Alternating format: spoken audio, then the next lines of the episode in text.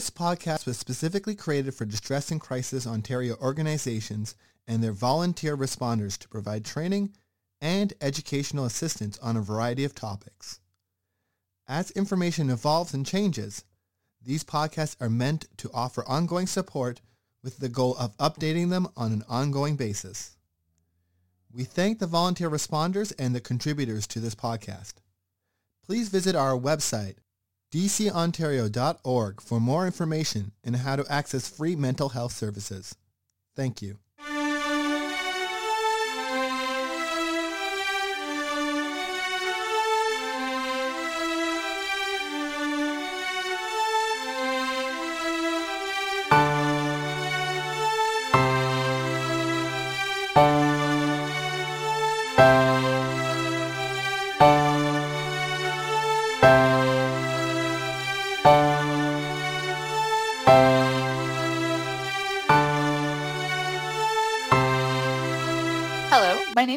And I am the Program Manager at Distress and Crisis Ontario. Thank you for listening to our podcast. Today I am joined by Ian Stratton and Stephen Gross from Thresholds Homes and Supports. Thresholds is a not-for-profit organization that offers a range of mental health and addiction services that currently assists more than 1,100 individuals in the communities of Kitchener-Waterloo, Cambridge, and Guelph. Ian is the addictions lead with the Assertive Community Treatment Team, and Stephen is the manager of the Assertive Community Treatment Team and Concurrent Supportive Housing Team. So thank you to both of you for joining me today. Could you please begin by telling our listeners a bit more about yourselves and the work that you both do? First off, thanks for having us on the podcast. We really appreciate the opportunity to speak to you and get a little bit more out there in the community. Um, so my name's Ian. Uh, I'm the uh, I recently promoted to the uh, team lead for the ACT team. Um, uh, my former position, as I said, was a addictions lead. Um, in terms of myself, I've been working in various forms of social service industry, uh, primarily in addictions for the last uh, 11 years now. Primarily what we do at our job is we go out and serve the most vulnerable in the community, often those that are um, precariously housed, uh, some housing, usually a mixture of severe mental health, uh, primarily schizophrenia, uh, bipolar disorders are two of our biggest ones. Um, and we assist them in providing wraparound services to help them maintain their housing, find housing, um, providing harm reduction supplies, um, individual counseling, um, depending on their needs, whether that's addictions focused, uh, social work, um, rec therapy, um, occupational therapy, uh, and uh, medical supports. And I'm Stephen, and I'm the uh, have have been for the last two years the manager for the uh, Assertive Community Treatment Team. I too have a new role. I'm now the associate director for housing and program partnerships here at Thresholds, uh, but I continue to support the ACT team and just helping Ian to transition into his new role. So uh, my background, I've had a variety of different things. I'm a clergy person by training. Um, but I've worked in corrections, I've worked in primary care, I've worked in addictions over the last 30 plus years. Um, so I'm well suited and uh, I came into Thresholds a couple of years ago uh, to have a new opportunity to work um, it more specifically in mental health and addiction. So I'm happy to be here today and thank you, Caitlin, for uh, having us having us as part of your podcast. Thank you again to both of you for joining me and congratulations to both of you on your new roles as well. Um, so obviously both of you work closely with the ACT team, um, but for anyone who hasn't heard of Thresholds at all, uh, what are the services that are offered and how would our listeners learn more about accessing them? Oh, that's a big question. So uh, Ian, you can jump in as we go, but uh, Thresholds Homes and Supports um, has been around for uh, many, many years. The initial focus, we used to be called Waterloo Regional Homes for Mental Health and supported folks uh, with mental health and addictions to live independently or, or in group homes in the community. So Thresholds uh, provides a variety of different services, um, a lot related to housing. So we have folks who, uh, we, have, we have a number of group homes that we support. We also have a lot of folks who have mental health issues who are living independently in the community, either in our own units or in rent rental units that we support. Um, most of the folks that we work with we get that get some kind of supports from our staff, and that varies across the organization. Um, and so homes, uh, the you know, uh, housing people is probably our main focus, but then we have the ACT team, which is again focused on uh, on folks who have the most severe and persistent mental health in the community. As well, we have a FACT team, which is sort of the level down um, uh, supports, and we have a FACT team here as well. So we have a variety of different different pieces. Um, um, you know, if you go to our website, you certainly can get a lot of information on what we do. Um, and we work very collaboratively with a lot of different partners. Most of uh, most of our referral processes go through uh, CMHA's here 24/7. They've got the system set up, and they put referrals through accordingly to the different different programs that we offer. Uh, yeah, and just to add to that, especially with our teams that are out in the community, so that's uh, our ACT team, our FACT team. Uh, we also have a, a, concurrent supportive housing team. Um, another great way is just to, you'll see us in the community. If you do see us in the community, we have these green lander, lanyards uh, that said thresholds on them. Um, I've yet to encounter a single one of our employees that won't stop to help someone in need um, or if they want to ask a question, um, we're always open to meeting new community members and providing whatever services or direction to services uh, that we can um, and just moving forward from there. As Stephen said, the website's a great resource. Um, when when hopefully the pandemic concludes, uh, people will be a bit more welcome in our office to stop by and say hello if they need to access, access something. Um, and uh, or get referrals to other services. And we're happy to have folks give me a call or give us a call and ask what we do, and we can direct them accordingly and, and provide them those other supports as we can. So. Thank you. You certainly do have a lot that's going on there, and all of it sounds incredibly important. Um, so when it does come to providing flexible, affordable, stable housing to individuals struggling with mental health or to going out into the community and meeting them where they're at, why is this so important? Well, it's statistically proven that individuals, regardless of your walk of life or your past experience, do significantly better when provided with stable housing. So that's why our model is very much focused on the housing piece. Um, because without that, it's really difficult. It's difficult to locate people in the community. It's locate. It's difficult to arrange appointments.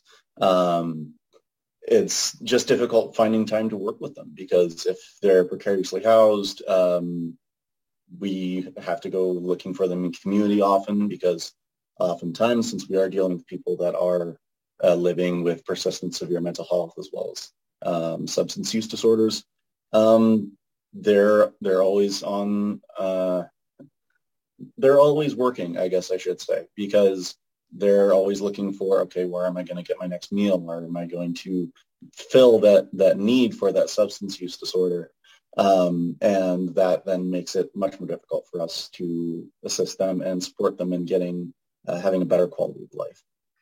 And that said, because of those things, that's the reason why we need to meet them where they're at. Because if we try to pr- provide them a, a less flexible approach, um, oftentimes because they have what they have going on, they're not going to be able to meet those appointments. And that's where we need to work with them to get them to a point where hopefully we can get to uh, having a bit more of a, a, rigid schedule that works for them and us. But uh, until that time, if that ever does occur, um, it's best to best for the consumer. It's best for the community that we, we work with them where they need to be and where they're at. And just to, to answer, to broaden that question out a little bit. I mean, the, one of the pieces is it's house, housing is a really important piece, obviously. Um, and as you know, you know, affordability continues to be a massive issue. Um, certainly for, you know, folks who are working full time and, you know, have jobs and the whole bit when you're on OW, or ODSP, trying to find affordable accommodation is almost impossible. So one of the things that we're able to do then is to provide supports around rent, rent supplements or other kinds of things like that, so that, that so that it is some uh, uh, so it is affordable for folks to be able to live um, either independently or in a group home, and it really depends on what their needs are. Um, that other piece is that the supports are are equally important. So you can't just pluck someone who has been you know, unstably housed, who's been couch surfing, who's been on the street for a while, and pop them into an apartment and expect them to just function well, right? They they need to learn a, a bunch of things, and that's not a criticism, that's just the reality, sadly. And so part of part of what we do and part of the important piece of the stability is the supports that we offer to help them figure out, you know, activities of daily living and learn how to cook and learn how to clean and learn how to do all those things, how to do banking, how to get to appointments on time. And a lot of people, it's not that they don't have the capacity to do that. They've never had to or they've never learned how and for lots of lots of reasons that they you know the trauma that they've experienced the other issues that they're facing in their life. So i think um, giving giving them both housing and supports allows them to continue their recovery journey continue to find their skills their own abilities their own strengths their own resilience and hopefully then be able to function better in the community and find ways of of being part of the community as opposed to being isolated, which sadly often happens with folks who have mental health issues and substance use issues. Incredible. So that sorry, that leads very nicely into my next question because everything that you said there, Stephen, sounds very much like you're giving people hope. And you're giving them hope that it's going to get better and get easier as they access these supports and use them. Um, and Ian, having mentioned the pandemic in your uh, earlier responses as well, we all know that COVID-19 has had a huge impact on people's mental health. And with one of your organization values being hope, I wonder if you could share some of the strategies your programs have been using to build and promote hope in these particularly challenging times. That's an interesting question that I've been pondering when you, since you posed it, Caitlin, because, you know, I mean, I think what well, I think what we ended up doing once we sort of like most agencies got over the initial shock of what do we need to change, how do we what what do we need to pull back, what are we losing in the community. Uh, staff then went to work to figure out how do they support people anyway, and so you know our for the larger agency, you know our rec therapist created and other other other other staff created programs that, the, that for folks who could access online to do some of those things online. We looked where we could, you know, where, where we could take a small group and just go for a walk and get out, right, so that people wouldn't be isolated. Um, you know, we provided um, folks with what services were available out in the community or what was still open. And, you know, we did a lot of work around saying, you know, if you still want to go to the mall as an example, like we have one one folk one person that you know window shopping is what they do, right? It's how they spend their day. And so helping them to say, okay, you need to learn to use a mask. How do you do that? What can you do? Where can't you go? Um, we got as creative as we were able to. Um, I think it, organizationally and probably, probably, you know, maybe didn't see people as often, but talk to them more if we could, you know, stop by, connected with them. I know in our group homes, we got as creative as we could to keep them busy and organized. Those are just some of the little ways and really there wasn't anything big or magical. It was a whole lot of little things. Uh, ian i mean you want to talk a little bit about some of the things we did with some of our folks? So yeah in terms of providing i guess hope in term during the pandemic a lot of what our team would do is making sure that if they had an appointment that we could arrange and that we could support them to those things because uh, obviously the, the pandemic uh, introduced a lot of unknowns for our clients. So making sure that their day to day was not interrupted um, and that they could get to the things they need to get to. Um, if they, so a lot of services outside of ours, uh, like everyone else, kind of withdrew or changed their supports a little bit and coming up with strategies that, for instance, food insecurity is a big part of, uh, or big part of uh, some of the issues our consumers face on a regular basis. So arranging and making sure that they had the food that they required from the various food banks in the area and where they would have gone out and gotten those things before, we arranged to go and get those things and make sure that they were dropped off so that they could make sure that their basic needs were met.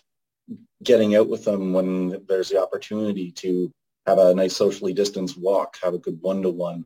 So whereas before we would have sat down inside their apartment or, or their unit, uh, their home to have a, an individual counseling session, we went for a walk. We went and had a, a discussion out in a nice open area so they could see that there's still a lot of uh, beauty in um, the world despite all of the things that are going on.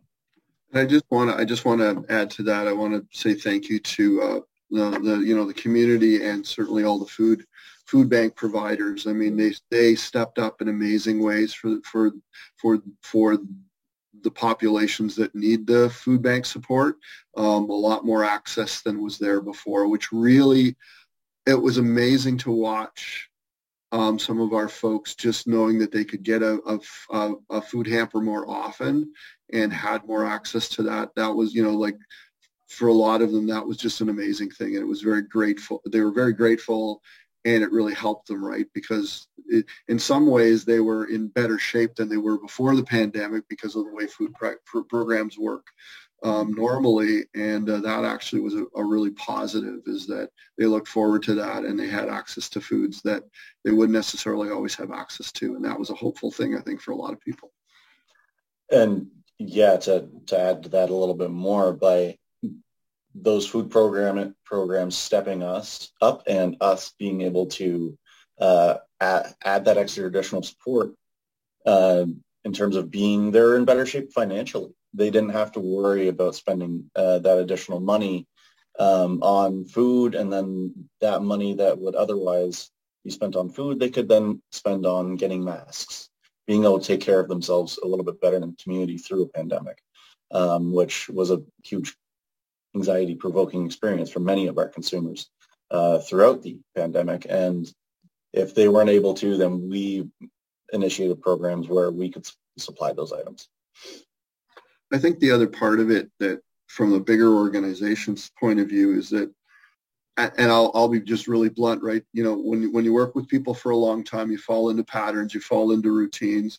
And, you know, despite our best efforts to be really recovery focused and let people do their own things. Sometimes, you know, you fall into the, well, we're going to help them and do things for them. And they're happy to let, let us do things, right? And so the pandemic almost forced us at some level to stop and say, so what, what resilience does Billy have? What skills does Sally have that we can use? And, and, it, and actually, um, for, for some folks, they actually found out that they had skills and abilities that they maybe didn't realize or we were able to help them utilize it and develop. And that was actually a really hopeful thing to watch folks that otherwise we thought couldn't do certain things or we weren't sure they could, were actually doing them on their own with you know once we supported them in learning to do that and i think that was a that was a huge learning for all of us that they could actually um, that that that given the opportunity people some of the folks we work with stepped into being able to do more for themselves so, you know, that was, I, for me, that was a really hopeful sign and quite an exciting thing and a bit of humbling for us to learn,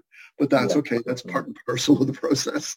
Yeah, so you give some really good examples in there too about how your programs did like pivot and, and shift and change and kind of ebb and flow with the ebbs and flows of the pandemic.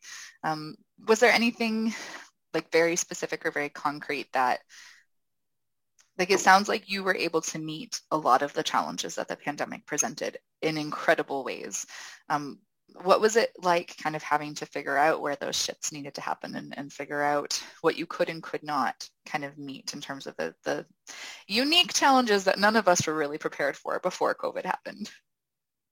I think the biggest, and, and I'll let Ian answer specifically for ACT, but when I think about it, I think probably the, the biggest challenge for a lot of the folks in it was that we're, we were used to prior to pandemic, if we needed to get folks someplace, we needed to drive them, right, very often. And, and because we, we did do that transportation, of course, COVID shut that all off. So, you know, learning, learning then to figure out, so where could they go, you know, do we need a taxi? Could they do it on their own? Could they get on the bus? You know, so we did some work around helping some of our folks learn the bus system better and be able to function. So it was those kinds of pivots like that over overall in the organization.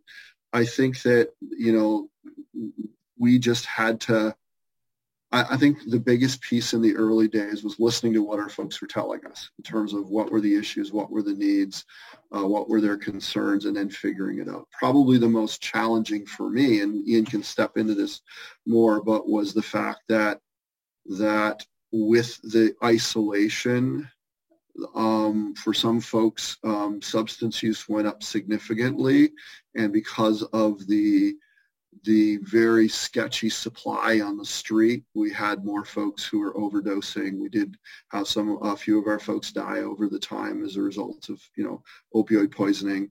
Um, but uh, the reality of it is, is that was probably the biggest challenge, and there wasn't a whole lot more we could do about that other than, you know, continue to talk, do the harm reduction conversation, point them to, you know, supplies to CTS, all of those kinds of things. That was probably one of the bigger challenges that wasn't easy for us to solve and wasn't easy for us to respond to. And when you're that isolated and you're already struggling with stuff, it makes it easier. The folks who are already having challenges with substances that often increase their use.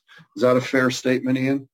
Yeah, I would definitely say so. I think what we did, and I think what we did well, is when through the various changes in lockdowns and just uh, the ebb and flow of the pandemic and the health measures that came with it, is as a team, we made sure that not only that we identified the ones that were most in need, but also spoke to and gave the heads up to all of our consumers that, okay, these health measures are going to be changing.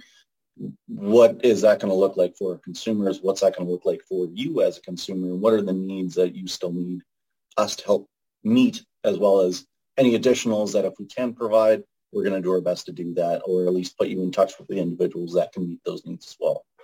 Um, and I think by doing that, we did our best to maintain um, the needs of our consumer consumers, and um, by identifying those those needs and those individuals that were most at risk, changing how changing our approach, maybe increasing how often we were seeing them, um, providing additional harm reduction supplies when we were able to get a hold of them, especially our more precariously housed ones um, or, or known users, and then also notifying them when if they are someone that is a known fentanyl user, this stuff's that something's in the area. There's been these overdoses. Here are some harm reduction supplies. Let us know if you need any help. Um, or if you do find that you're using something that is coming off a little weirder than usual, don't hesitate to call 911 and just reminding them that they're not going to get told for that. Their safety is the number one priority. I think the um, it, you know part of the, the larger pivot organizationally was just it it got it it it, it challenged and invited our certainly of um, our staff and and uh, clients in the group homes to get creative about how they live together and what they needed to do. So uh, you know, not all of our folks were were easily isolated or you know you know unwilling to or will un, you know they didn't always stay in the house even though we may want them to and wandered around. So then we got creative about what we needed to do to make sure they wore their mask when they came in or how we, you know, checked on their symptoms or how we, you know, set the house up for for meals to, to make it not so isolating but still keep people apart. So we had to get really creative in lots of different ways across our our, our organization. And uh, I think we, you know, on the whole, I think we did a really good job.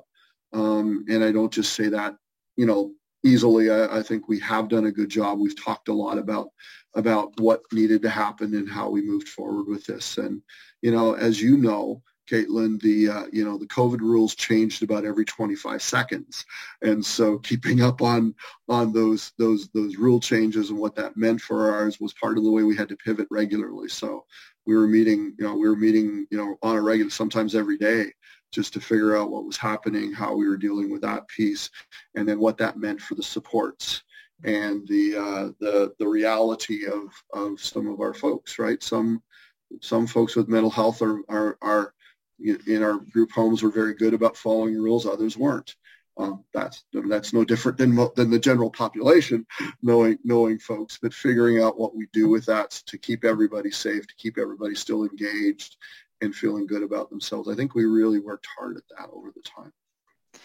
So my next question was going to be to ask how you have seen the impact of these challenges in the community, but I think we've painted a pretty good picture of that just in all of the responses that we've had. Um, excuse me, sorry. Um, yeah, and, and I think it's incredible.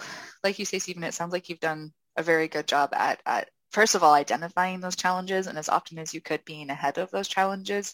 And it's just amazing, yeah, what you have accomplished um, in all of these things. And hopefully, I mean, I say this with my fingers crossed and a grain of salt, but hopefully as things are starting to lift and starting to look like they're maybe getting better, um, which I know we've been told before, so it's kind of hard to take it at face value, but hopefully these challenges will just continue to to lessen and and these yeah these stories of resiliency and people learning their new skills and these strengths that they maybe didn't know they had before can really be carried with them out of this um, so I'm, I'm going to ask again, Stephen, you have mentioned a couple, but are there any other, some of those moments of positivity and, and hope that you've mentioned, are there any other that kind of stand out to either one of you from the past couple of years that you'd like to share? I, one of one of the ones that came to comes to mind right away is just how so we've got some of our certainly some of our act folks who you know frequent certain businesses or certain places. And I was always really impressed when staff would come back and talk about how, you know, whoever at the local grocery store, you know, worked with the, you know, with, with one of our folks and, you know, recognized that they were having challenges, but was, you know, kind and gracious and supportive and helped them out. And we, we heard lots of little stories like that. I think that was really quite amazing. Um, agencies that did what they could. So I remember that one of the one of the I think the, the Clay and Glass Gallery, even in the midst of COVID, found ways when things were loosening up at some point in this process to offer some groups and programming even that were COVID safe for our folks and gave us chances to do that. There was lots of those places and organizations and individual businesses that actually stepped up in ways that were really quite really quite exciting and really you know thankful I think we realized, and Ian probably, you know, you could probably say this, just how much those, um, you know, sort of uh, what superficial almost relationships and connections to businesses and, you know, the mall and the library and all of those places are to our folks, right? It really is part of their lifeline. It's part of how they they relate and connect to the community and are feel like they're a bigger part of things. And having those, most of those taken away, for me, just reminded us of how important it is for those, for our folks to still be connected to those things, right? And that it does give them a purpose. It does help them to feel better about who they are and what's going on. And we saw during the pandemic, lots of the places that were just really quite lovely and gracious and, and supportive of our folks in the midst of, you know, all the restrictions. So I don't know, Ian, do you want to build on that? Yeah, the the the organizations, whether it's uh, our nonprofit organizations or uh, just community-based um, uh, stores and things of that nature, yeah, they were very helpful in like reaching out and being very good with our clients through a very stressful time. Um, I think another thing that really stood out for me in the last couple of years um, because I joined basically in the midst of the, the height of the pandemic, um, was how quickly and what provided me hope in terms of the services that we've offered, um, how quickly our team was able to to pivot to provide those things and meet our clients where they're at, despite everything that's going on uh, in the outside world. Uh, that provided me with a lot of hope and made me want to come into work because I knew that everyone was kind of working towards the same goal and recognizing that goal and moving together as a team was a really handy thing. I think I think one of the the most challenging pieces though of what we've gone through with COVID is um, and we're seeing that in general um, is the loss of of of uh, units in general, right, and rental units. And so that's certainly one of the downsides of what's happened through COVID is that we're, you know, we and other places are losing units for, you know, because landlords then are have the ability now to convert and get more, more so. So that's probably the biggest downside, I think, of what we saw through the COVID process. Um, uh, and it, it continues to be a concern. It, it's hard. I mean, I know some of our folks are not the easiest uh, tenants always, um, but uh, you know, with the supports we offer, I think we, we do a, a, pretty good job of trying to trying to support them and support the landlords in, in keeping you know units well, clean and all of those kinds of things. But that has been a challenge and continues to be a challenge, not just for us, but I know for other other organization, other housing organizations to find those kinds of units because a number of them have been lost over the time in COVID. So that's probably one of the down, the biggest downside for me. To speak more to actually just kind of occurred to me, one thing that really did stand out to me in terms of hope over the past couple of years was one residential um, owner operator she really did her very best because she recognized and saw one of our consumers as the person that he was and the challenges that he was facing regularly. And despite her not necessarily having maybe the skill set to offer to this person on a regular basis, she went above and beyond despite what he had going on to work with us to try and keep him as ho- housed as long as possibly as she could just to kind of get through this, uh, I guess, darker time in terms of uh, human history, I suppose. And it was the individuals like that that really made our job easier.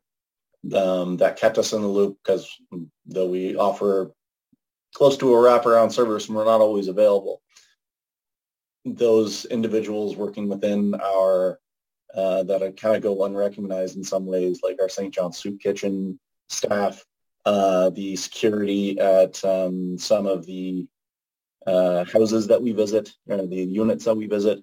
Um, they really, despite it not necessarily being within their purview, kept us up up on the things that were going on if we were not there and gave us the the step ahead that we needed in order to address issues before they became something that was significant that would result in, say, a loss of housing um, or some sort of mental health or physical health issue. And that just to build on that, I think, you know, if the pandemic taught us nothing, it taught us that, you know, I mean, there there will never be, sadly, there will never be enough money to totally support, um, you know, provide the supports for, for the folks that we work with. But the the the importance, as Ian said, of community members and you know landlords and other service providers and other agencies and other businesses. I mean, it is a, it is a community response. It's not just thresholds what we do, you know, whether it's ACT or, or concurrent or group homes. It's not just what we do. It really is how the community welcomes and and treats the folks that with mental health and substance use issues. And you know, I, I think I think I saw in part some recognition over the two years and some softening of attitudes towards folks with mental health and a little bit more acceptance and a little bit more welcoming of and, and understanding around substance use and and why you know why why people have fallen into that and what the issues are and that it's not as simple as they just need to stop which is you know has been the the old attitude um, and I think I've, I've watched that start to shift, um, you know, locally as well as, you know, maybe more stuff in the media and conversations at the different levels of government around around understanding the importance of mental health and the, and the a community response to supporting people. And I think that was a really important important thing that I hope will continue as we move into the next phases of whatever whatever life is going to throw at us. Hmm. Well, thank you so much. I uh, yeah, I feel like we've used the word hope a lot in this conversation, but appropriately. And and yeah, the the fact that you were able to yeah, kind of just garner and, and support and build and grow so much hope around your communities uh, throughout all this is, is very incredible. So thank you for the work that you and, and everybody at Thresholds is doing. Um, so before we well, go...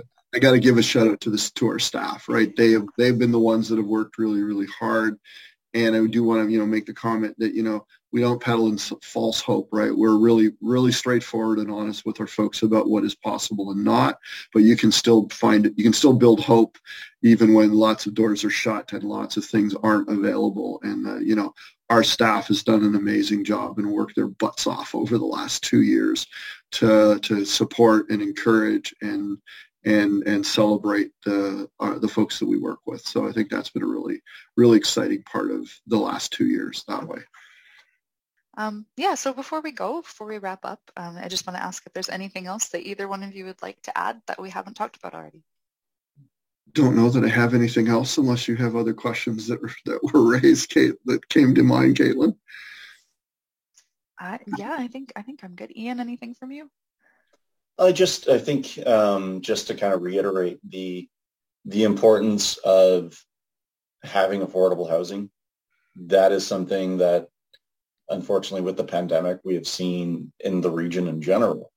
Um, homelessness has increased, and with that, increasing in, increases in drug use, increases in mental health issues, uh, the overutilization of our hospitals for appropriate reasons, but stretching those resources thin that uh, community sports such as ourselves and other community um, programs are experiencing. So having that, whether it's the region, if they're listening, um, uh, can put an emphasis on that affordability piece. Um, I know there are some projects that are getting going or almost completed within the region that's going to provide a little bit more.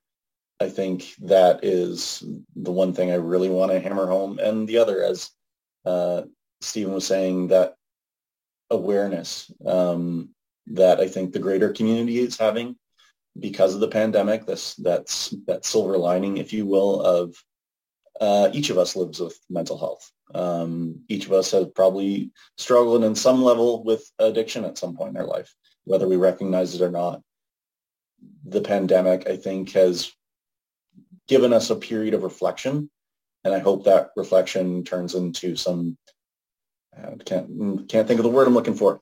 Growth, maybe. Um, hopefully. Sorry? Maybe growth. Yeah, some growth, some action in those sectors that um, really need um, more support in every way because if we don't support these things, it impacts every other aspect of our community. And I got into this business to make my community better. And I think that's where everyone comes from is I think every person has that that drive to make the community better, um, whether it's the guy working in construction or a person like me or like Stephen or yourself that by taking care of our most vulnerable, we are doing the most good for our community. Absolutely. And I would like to just as a last statement is, um, you know, we'd be happy to hear. I'd be happy to talk to any landlords, big or small, who are interested in uh, in partnering with us around around housing and and, and working with, with with folks with mental health. Be happy to uh, to talk with them and tell them what we can offer and how we can support uh, folks in, in in their units. So uh, I just want to put that little plug in, if I may. Of course. I was actually going to add, kind of in response to Ian, if there was anything that you, you could suggest to our listeners if they wanted to try to do something to help with those those issues, and that's a really great way to do that. Um, yeah, and just and just trying to continue to have these conversations and, and letting more people know about them, because the more people that know, the more chances there are that somebody can help. Mm-hmm. Um, yeah. So. Definitely. Thank you again, both of you, uh, for joining me today, for having this conversation. It's been wonderful to speak with you both and learn more about what you've been doing. Our pleasure, and thank you for the opportunity to to uh, to speak to you and to the listeners on your podcast. It's fabulous. Really appreciate it. Yeah, thank you for having us. This has uh, been a great experience, and uh, yeah, and I hope that uh, it reaches the right ears. Thank you for listening to this week's podcast. If you would like to learn more about Thresholds Homes and Supports, you can visit their website at www.thresholdssupports.ca. Their information will also be linked in the show notes and is available on the resources page of our website. If anything in today's episode made you feeling overwhelmed, upset, uncomfortable, in need of any sort of support, please do not hesitate to reach out to any of our member centers or ONTX for someone to listen. You can find your closest center by visiting our website at www.dcontario.org forward slash locations. And you can access ONTX from any page of our website by clicking the Looking for Support box on the right-hand side of the page.